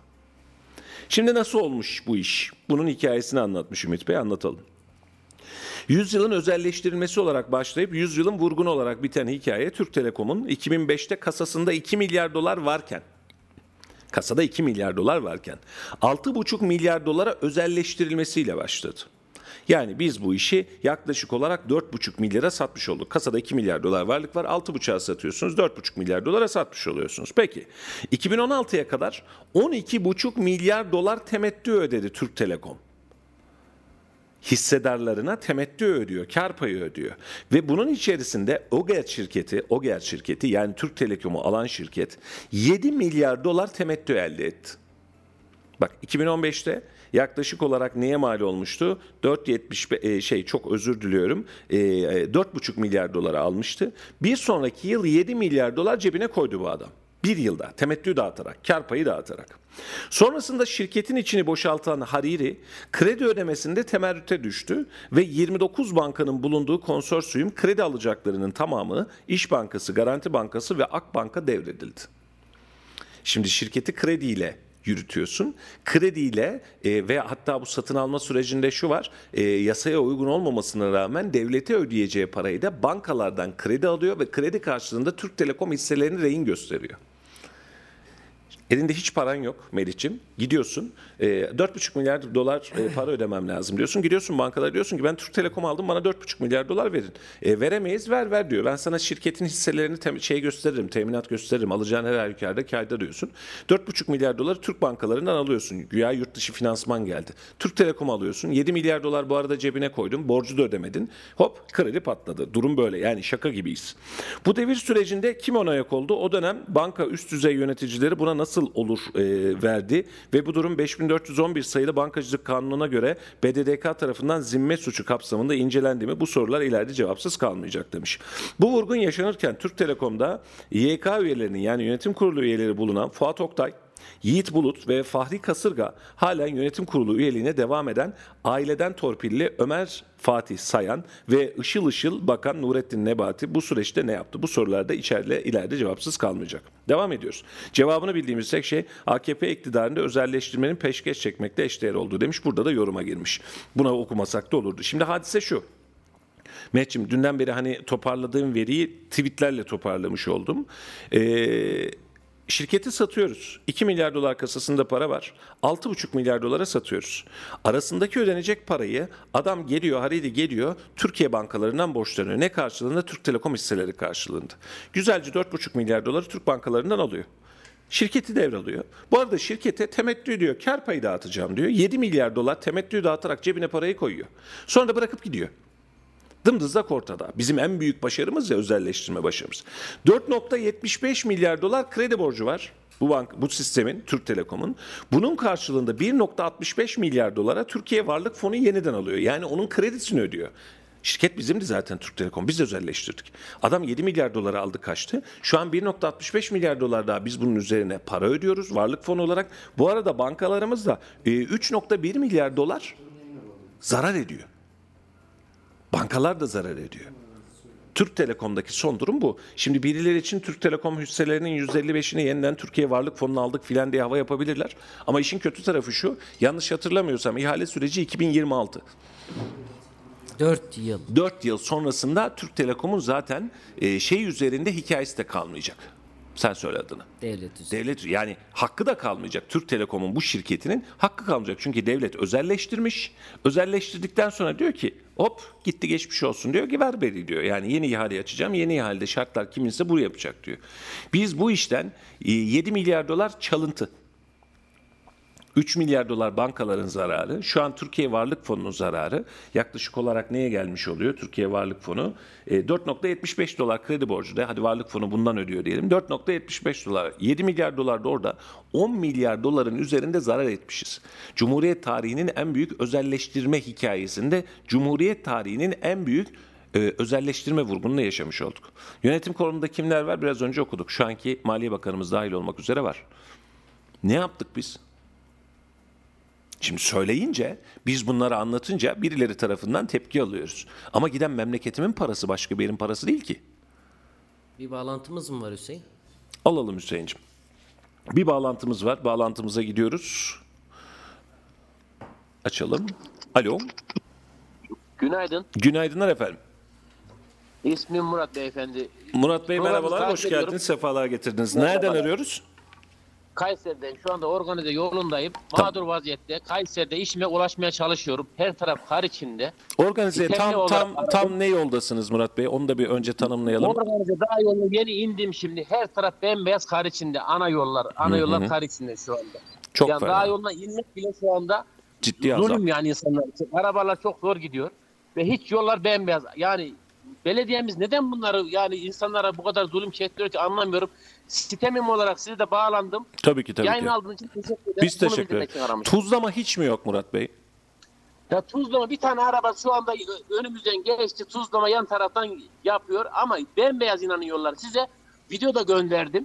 O, videodan da bakabilirsiniz. Facebook sayfasında video da gönderdim. İnanın rezalet durumda organizenin içi şu anda. Anladım. Yani Köşk Mahallesi'ne çıktım. Hulusi Akal Bulvar üzerinden Kartal Kavşağı organizeye kadar geldim.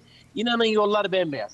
Anladım Murat Bey. Ve yani şu anda 45 dakika oldu. Daha ben organizenin içinde iş yerime ulaşamadım. Çok fena. Efendim e, geçmiş olsun. Yolunuz açık olsun. Uyarınızı vatandaşlara da iletiyoruz. Eleştirinizde de gayet haklı buluyoruz. Teşekkür ediyoruz. E, bağlandığınız Ben için ve sesinizi duyurduğunuz için. Sağ olun. Teşekkür Çok ederim. sağ olun. Sağ olun. Kolay gelsin. Sağ olun.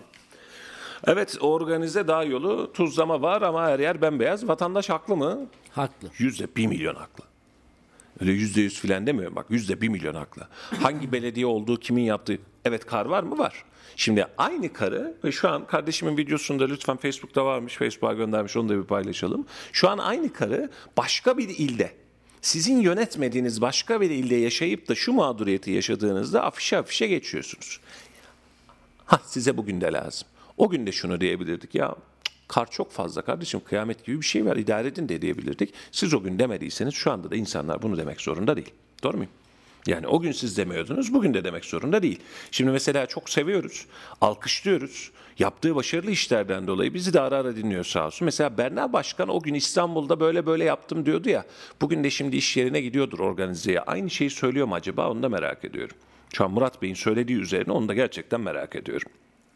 Çünkü özellikle vatandaştan bir de organize sanayi bölgesinde iş yeri olan bir esnaftan bunu duymak gerçekten üzülüyoruz. Çünkü her zaman söyledik ani kar yağışı olur biz anlarız. Çünkü kar aniden bastırdı diye. Ama hafta başından itibaren meteoroloji uyarıyor. İstanbul özel sektör dahil herkes tatil etmeli.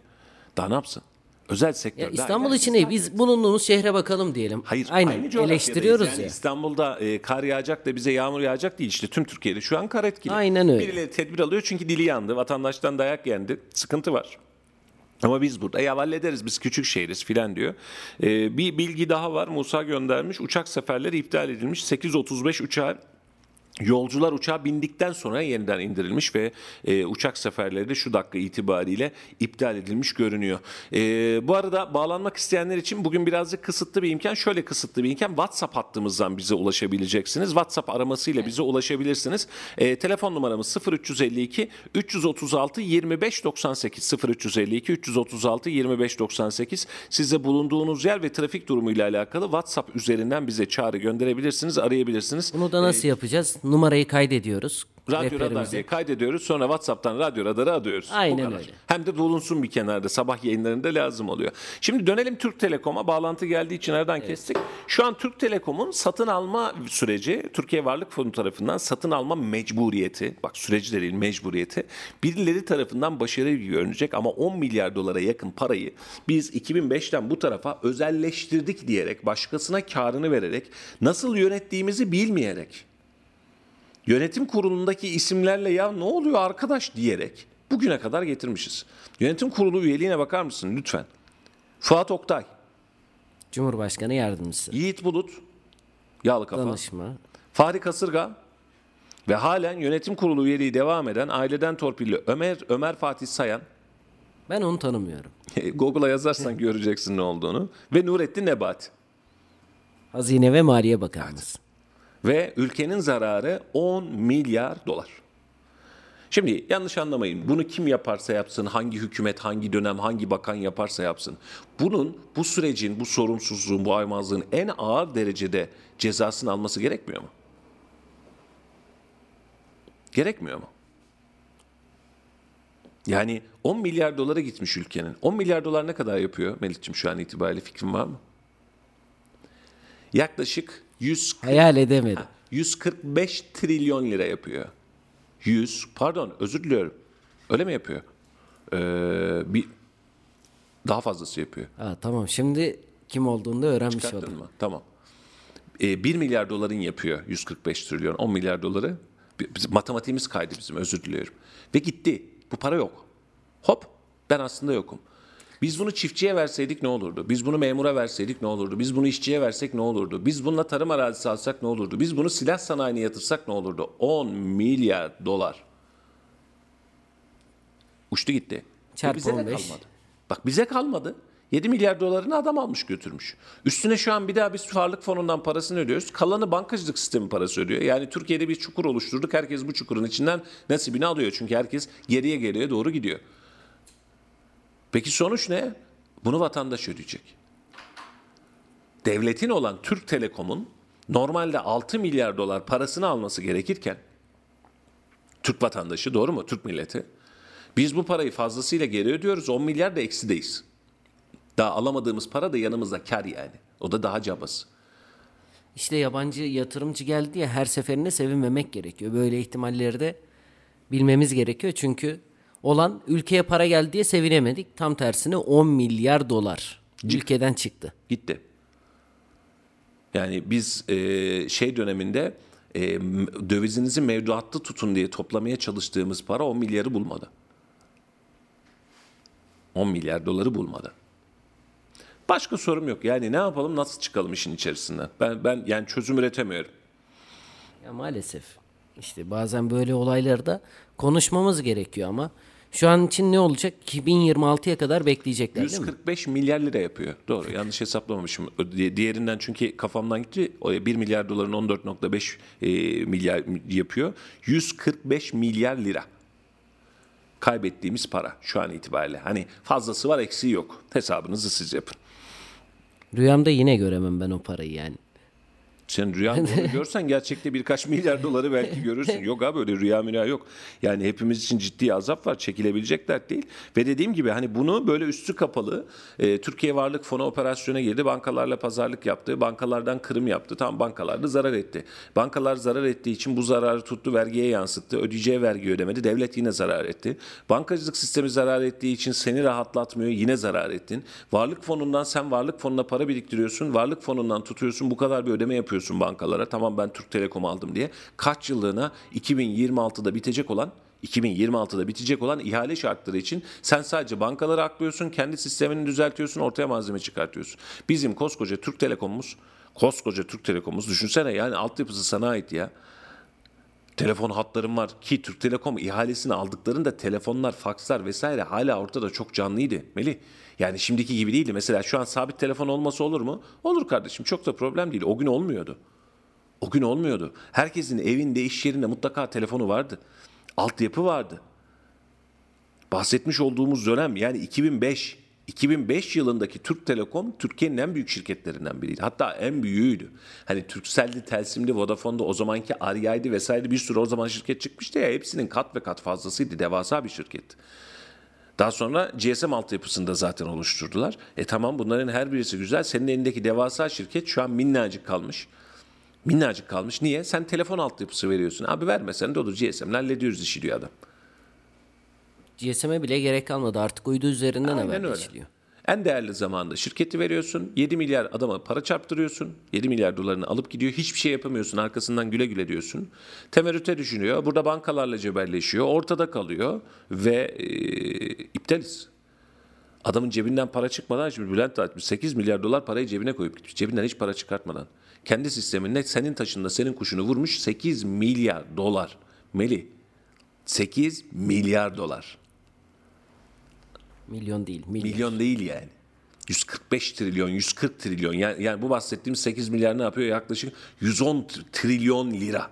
Yani öyle kamyonlar, tırlar falan almaz mı parayı nakdi olarak? Adam alıyor gidiyor. Sonra çarpılıyoruz. Sonra bunun başarısını şimdi eski Maliye Bakanı'nı mı yargılayalım? Adam rahmetli oldu gitti. Onu mu yargılayalım yani? Suçu ona mı atalım en sonunda ne yapalım? E, o gün yüz, yüzünün içine güle güle bakıyorduk. Sevine sevine bakıyorduk. Kaybediyoruz Meriç'im ya. Gerçekten kaybediyoruz. Yani ülkede gözümüzü kapattığımızda kaybediyoruz. O gün konuşanlara kızıyoruz. Diyoruz ki mesela siz özelleştirme düşmanısınız, siz devletin böyle olmasını istemiyorsunuz. Müthiş bir gayretle savunuyoruz, müthiş bir gayretle yapışıyoruz. Özelleştirmeyen yer kalmayacak, her şeyi satacağım dedi o zaman o zamanlar Kemal Aktar. Her şeyi satacağım dedi, sattı da vallahi. Hakkını yememek lazım rahmetlinin. Önüne ne geldiyse sattı. Boyadı yine sattı. Babasına sattı yine sattı. Vallahi sattı. Hiç affetmedi. Sözün nereymiş? Aynen öyle. Sekamız gitti, diğerimiz gitti, kritik sektörlerimiz gitti, kritik tüm malzemelerimiz gitti. Şeker fabrikaları. Şimdi sonrasında baktığımız zaman ne yapmışız? Biz ne yapmışızsa hesap ediyoruz. 10 milyar. Dolar dolar.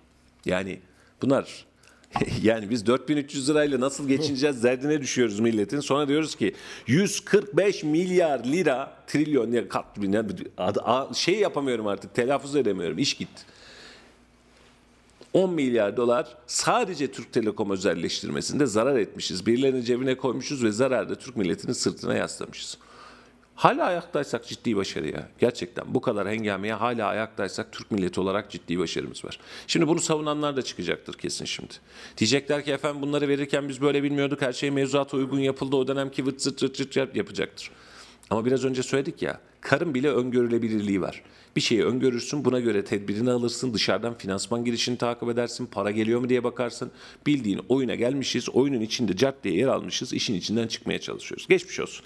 Bir Türk Telekom'u yeniden almanın keyfini yaşayacağız. Önümüzdeki günlerde kutlama yapacaklar. Türk Telekom yeniden devlette diyecekler. Bak bunu da yaşayacağız. Ee, bize 10 milyar dolar zarar ettiğimiz şeyi bayram havasıyla yeniden hissettirecekler. Yani bir şey diyemiyoruz bu konuda. Özellikle öngörülebilirlikten açılmışken yani buradaki olan Cumhurbaşkanlığında vesaire alanda en uzman profesörler çalışıyor. O yüzden biraz fizibilite çalışmalarını sağlam yapıp araştırmaları sağlam yapıp ülkemiz için, milletimiz için ne gerekliyse yani doğruya doğru yanlışa da yanlış diyebilmemiz lazım. demediğimiz zaman böyle kaçıyor. Bugün bahsettiğimiz çok büyük vurgunlardan biri. Gözümüzü kapattığımızda bir bakıyorsun 5 trilyon oraya gitmiş, 3 milyon oraya gitmiş, e, 10 bin lira o yemiş. Sebep, derdimiz ne? Biz bedava mı çalışıyoruz, bedava mı kazanıyoruz milletçe? Bu tür usulsüzlüklere, yolsuzluklara eyvallah diyecek kadar mı bu kadar bedava çalışıyoruz? Rakam önemli değil ki kaç lira oldu. Yani bugün 3 lira, yarın 5 lira ne fark ediyor? Vallahi önemli. 10 milyar dolar. Ya ha, tabii buna buna çıkınca o neler neler yapardık. TOG'u 3 kez tur döndürdük ya. 2005'te Türk Telekom'u özelleştirdiğimiz parayla TOG'u 3 kez tur döndürdük. Milyar dolardan bahsediyorsunuz. Beyler bayanlar milyar dolar. Şu an mesela deli gibi İHA satıyoruz ya. Daha biz milyar dolar ulaşamadık. Hesabınızı siz yapın. Yani gözünüz öyle küçük müçük görünmesin. Devasa paralar ve birilerinin iş bilmezliği yüzünden geçmiş olsun yapılıyor. Ee, piyasaya bir bakmak istiyorum izninizle. Şu an itibariyle bankalar arasında 14.90'a çıktı dolar. 16.40'a çıktı. 16.40 e, 68 euro. Brent petrol fiyatı 108 dolar. Düşüş devam ediyor çok şükür. Altının ons fiyatı 1982 dolar. Altının ons fiyatı düştü. Brent petrol düştü. Ama bu düşüşten fırsattan istifade birileri düşerken ben rahatlıyorum diyen dolar ve euro ben de aradan çıkıvereyim dedi. Şu an itibariyle 1565 lira düşüş ve inişlerin kümülatif toplamında çeyrek altın, gram altında ise 957 lira fiyat var. Yakıttaki düşüş, Brent petroldeki düşüş bir süre zam yemeyeceğiz gibi gösteriyor. İndirime yansır mı? Dolar çıktığı için indirime yansımayacak gibi görünüyor. Bugün itibariyle yatırım tavsiyesi değildir. Ama 15'i aşabilecek bir dolar bekliyorum. E, çünkü piyasa sıkıştı. E, bundan kaynaklı olarak da e, yakıttaki ilerleyen dönemlerdeki zammı Brent petrolden değil dolar kaynaklı olarak yaşama ihtimalimiz var. Bilginiz olsun. E, şu an itibariyle de e, NATO caddesinden de bir görüntü geldi. Burada da aynı. E, tuzlama yapılmış ama yollar helva. Maşallahı var. E, ve bundan dolayı da sürücülerimiz dikkat etsinler. Yavaş ilerlesinler ve e, sürüş güvenliğini mutlaka ön planda tutsunlar. Diğer bölgelerde de biraz önce duyduk organize sanayi bölgesinde sıkıntı yaşıyor kardeşlerimiz. Onun da bilgisini geçmiş olduk. Ee, dilerseniz bir laf sokaklıya dönelim. Bir sokak ne diyor ona dönelim. Ardından yeniden buradayız. Efendim bir yerlere ayrılmayın. Ee, sokağın sesini duyduktan sonra yeniden geleceğiz. Eğitim durumuyla alakalı diye düşünüyorum. Çünkü bize verilen imkanlar pek de iç açıcı değil. Çalışmak istemeyen insanlar biraz fazla. İstihdam yok ama işsizlik çok. TÜİK az bile söylemiş. TÜİK yalan söylüyor. TÜİK Türkiye'deki işsizlik rakamlarını açıkladı. Türkiye'deki işsiz vatandaşların sayısı Ocak ayında bir önceki aya göre 21 bin kişi artış gösterdi. Bizler de vatandaşlara bu konuyla ilgili sorular sorduk. Bakalım ne cevaplar aldık. Eğitim durumuyla alakalı diye düşünüyorum. Çünkü bize verilen imkanlar pek de iç açıcı değil. Yani daha çok iş imkanı olan mesleklere yöneltilmemiz gerekiyor diye düşünüyorum. Peki bunun sorunu neden ol- oluyor olabilir? Neden insana yöneltilmiyordur? Eğitim sistemimiz çünkü e, eğitmeye yönelik değil de daha çok okulu bitirmeye yönelik bir eğitim sistemimiz var maalesef. Daha e, verimli imkanlar olsa daha da iyi yerlere gelebiliriz. Üniversite mezunu musunuz? Yok hayır. Okuyor musunuz? Okuyorum. Hangi Üniversiteye hazırlanmaya çalışıyorum. e, hangi bölümü düşünüyorsunuz? Tıp düşünüyordum fakat e, maalesef bu şiddet olaylarından dolayı çok umudum kırıldı. Onun için daha alt seviyelere inmeyi düşünüyorum. Peki mezun olduktan sonra sizce iş bulabilecek misiniz? Pek sanmıyorum açıkçası. Daha çok yani amacım aslında yurt dışına çıkmak ama onun için de tabii ki ekonomik nedenler pek imkan vermiyor. Vallahi şimdi yalnız bu Türkiye'de değil. Dünyanın her tarafında böyle. Ben yurt dışındayım. Ee, bugün gece Allah nasip ederse gene uçacağım. Ee, fakat Almanya'da da aynı ya. Sadece Türkiye'mizi karalamayalım. Yani Türkiye gerçekten dışa bakarak iyi ya. Bana göre öyle geliyor yani. Yani Almanya'da da işsizlik rakamları çok fazla. Aynen öyle abi. Pahalılık aynı, benzin ayrı. Yani her şeyi hükümetin üstüne yüklüyorlar da yazık oluyor. Yani e, şu hükümet bana göre yani iyidir yani. Dış devletlere göre mesela bak Cumhurbaşkanımız Allah razı olsun. iyi ben ben seviyorum adamı. E, Peki ya sizce Türkiye'deki işsizlik rakamları nasıl düzeltilebilir? Abi bu buranın zenginleri kendiler devamlı birer kişi yanlarına alıp çalıştırırlarsa Suriyeliler geldi biliyorsunuz. Suriyelilere şimdi adam sigorta ödemiyor. Tutuyor onlara mesela ufak bir harçlık gibi para veriyor. Ama bunlar zamanında işleri öğrenecekler. Geçen sanayiye gittim ben. Acayip bir şekilde Suriyeli dolu. Bunlar yarın bizim başımıza hep bela olacağını ben tahmin ediyorum. Ben görmem belki de bizim gençlerimiz görebilirler inşallah.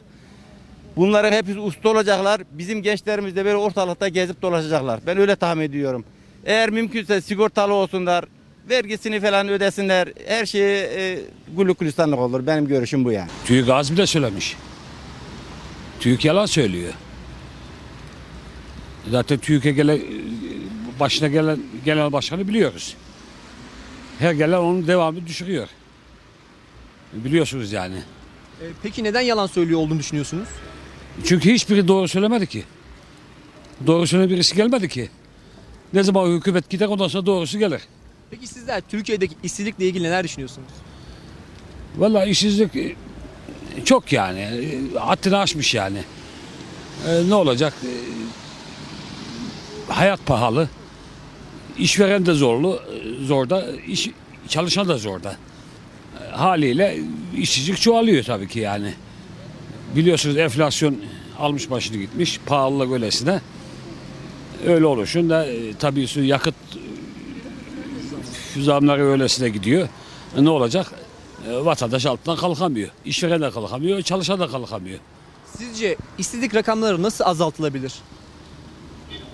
Ve üretimle. Üretim olmadan hiçbir şeyi halledemezsin. Ancak üretim olacak. İşsizlik öyle çoğalır. E, şey azalır. E, ne diyeyim yani hiçbir taraf ekin yapılmıyor. Mazot pahalı biliyorsunuz. Ondan sonra gübre pahalı. E, çiftçi köyden kaçmış. E, ne olacak? İşsizlik büyüyor. E, Millet şehre e, doldu devamlı. E, tabii şehir merkezi altından kalkamıyor bu işin altından. Haliyle e,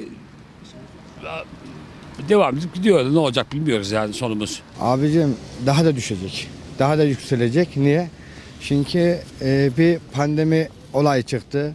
Ondan sonra kış çıktı bilmem bir şey oldu. Şu anda bir de e, biliyorsunuz savaş var. Ondan dolayı da bayağı bir e, etkilendik. Artı benzinden falan zamlandı. Şimdi millet arabasını çalıştırmaya korkuyor. Organizede e, yüzde sekseni şu anda kapatmış durumda. Kesinlikle iş sahası bitti. Normalde İç Anadolu İç, Anadolu, İç Anadolu'nun e, yüzde yani il olarak yüzde yetmişi iç çoğunluğu olarak Kayseri'de ama şu anda Kayseri'de sıfıra düştü. Daha da e, kötü olacak. Daha da kötü günlere gideceğiz. Bunu bir şekilde devlet büyüklerinin bir şekilde el atması lazım. Neden? Vatandaş için. E, Peki devlet büyükleri buna ne yapılabilir? Ne yapmasını istersiniz? Abi devlet büyüklerinin ne yapması lazım? İş ortamı açması lazım. Patron hani işverenlerin maddi olarak destek vermesi lazım. En azından işçileri için. Özellikle engelliler için. Şimdi mesela %60-%70 engeli olan e, e, arabalara e, şey olanlar, e, mahkum olanlar boyacılık yapıyor. Ona bile izin verilmiyor. Bir şekilde toparlanması lazım. Olacağı buydu zaten. Öyle yani. Ee, peki ilerleyen süreçten neler bekliyorsunuz? Sizce bu e, durum düzeltilir mi? Her şey daha da kötü olacak. Neden? Ee, zaten hani biliyorsunuz doların, euronun etkisi de var e, bu işsizliğin içerisinde. Ve e, diğer ülkelerden gelen vatandaşlardan dolayı da aynı şekilde. İnsanlar artık hani kendi e, paçasını yırtma derdinde olduğu için e, kendi Türk vatandaşlarımızı değil de yabancı ülkedeki insanları çalıştırma ihtiyacı duyuyorlar. Çünkü biliyorlar ki onlar daha az parayla çalışıyorlar. Ondan dolayı da işsizlik bu şekilde bu şekilde artıyor. Ve her şeyde zam geldiği için e, tüm herkes daha az eleman çalıştırma derdinde. Ondan dolayı işsizlik ve ileriki e, yıllarda bu daha da berbat olacak yani. Peki nasıl düzeltilebilir sizce bu sorun? Bu sorun nasıl düzeltebilir? Ha, düzeltilebilir mi? Bence düzeltilemez. Böyle devam eder. Böyle devam eder. Zaten kıyamet de yaklaşıyor. Neden kıyamet yaklaşıyor? Kıyamet yaklaşıyor. Neden bunu düşünüyorsun? neden bunu düşünüyorum? Ya bilmiyorum bu şekilde düşünüyorum. Kıyametin yaklaştığını, kıyametin alametleri. Her şey çok kötü olacak ileriki yıllarda. Bence arttığını düşünmüyorum. Ben yurt dışından geliyorum. Fakat yurt dışına bakarak bizim Türkiye gerçekten çok ferah bir ülke olarak da görüyorum. İşsizlik oranı bence artmadı. Bence çalışmak istemeyen insanlar biraz fazla. Peki neden öyle oluyor, oluyor olabilir? Ee, insanımız biraz sanki hazırcı. Yani Avrupa'ya özeniyorlar. İşte orada sosyal faal- sosyal haklar daha çok geniş. Biz de burada aynısını yapalım diyorlar ama bunlar hemen olacak bir iş değil. Zamanla her şey yerine oturacak diye düşünüyorum. Efendim sokağın sesini dinlettik. Daha da uzunu var. Devamını Kayseri Millet'ten, Kayseri Radar'dan takip edebilirsiniz. Bizim de artık yayınımızın sonuna geldi. Kar yağışı lapa lapa, yollar sıkıntılı. Vatandaşımızın dikkatli olmasını temenni ederiz. Bu haftada biz yayınımızı sonlandıracağız. Önümüzdeki hafta tüm hafta içi yeniden sizlerle birlikte olacağız. İyi bir hafta sonu. Ee, karın tadını çıkartacağınız ama eziyetini çekmeyeceğiniz bir hafta sonu dileriz. Melih'ciğim son olarak söylemek istediğim bir şey. Evet Kayseri bugün karlı bir güne uyandı. Bütün sürücülerimize dikkatli olmaları konusunda biz yayınımızın başından beri uyarıda bulunduk. Yeniden uyarıları dikkate alması konusunda vatandaşlara çağrımız olsun bizim Peki de. öğrenci arkadaşlarımız da inşallah e, karın tadını çıkarsınlar. Evet. Bugün hazır tatilken, tüm okullar tatilken biz de sizden müsaade isteyelim. Haftaya yine sabah saatlerinde sizlerle birlikte olacağız. Efendim görüşmek üzere, hoşçakalın. Radyo Radar yol açık sona erdi.